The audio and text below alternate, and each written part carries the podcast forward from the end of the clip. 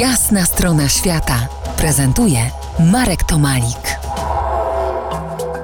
Gościem jasnej strony świata Piotr Śliwiński, człowiek, który odbył 12 podróży dookoła świata, zdobył 8 szczytów korony Ziemi, w tym także Everest. Teraz o ekonomii w podróżach dookoła świata. Sądzę, że znacząca część słuchaczy chciałaby wiedzieć, w jaki sposób można realizować pasję, skąd na kolejne podróże brać pieniądze. Piotrze, zdradź nam, ile kosztowała ta najdroższa, a ile ta najtańsza podróż dookoła świata? Coś pamiętasz? Bardziej pamiętam te najtańsze, bo jak y, nie miałem pieniędzy, nie miałem środków, to oszczędzałem i liczyłem każdą złotówkę, każdego dolara.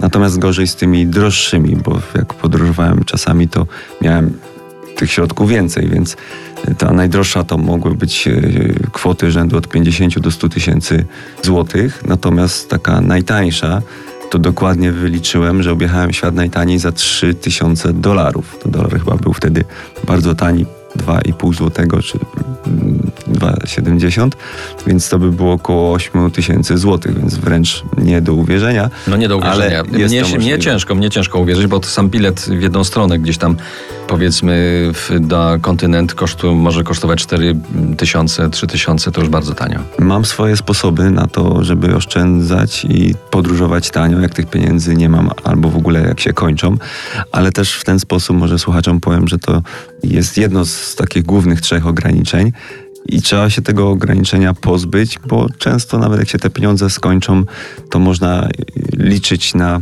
też i pomoc życzliwych ludzi lub też podjąć się jakiejś pracy, a w najgorszym wypadku warto mieć w rezerwie odłożoną pulę e, jakichś pieniędzy, które pozwolą na ten bilet powrotny do domu w jedną stronę, żeby potrafić wrócić. To czym jedziesz w świat nie ma raczej dla ciebie, z tego co słyszę, większego znaczenia. Bardziej z kim?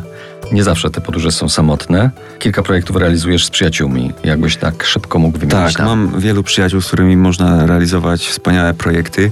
Z Jackiem Jaśniewskim realizuję projekt Korony Ziemi.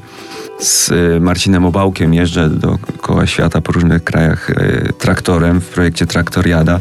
Z Walerianem Romanowskim i jego zespołem realizujemy projekt Oswajamy Mróz z Jurkiem Marsową e, odwiedzamy zaćmienia słońca, natomiast e, z Wacławem Kuzło realizujemy projekty z paralotnią, snowgliding e, i to przeważnie ćwiczenia odbywają się w Pieszczadach, ale też to posłuży mi w wyprawach do dalekich, zimnych krajów. Kiedy następna podróż? Kiedy nie umiem powiedzieć, ale na pewno wiem, gdzie kierują się moje myśli, jak myślę o podróżach, ponieważ ostatni szczyt z korony Ziemi, który mi został to znajduje się na Antarktydzie i nazywa się Mount Winson. Życzę Ci tego, żebyś dopiął swoich marzeń. Przypomnę, że gościem jasnej strony świata był Piotr Śliwiński, człowiek, który odbył 12 podróży dookoła świata, zdobył 8 szczytów korony Ziemi, w tym Everest. Dziękuję Ci, Piotrze. Dziękuję serdecznie. To była jasna strona świata w RMF Classic.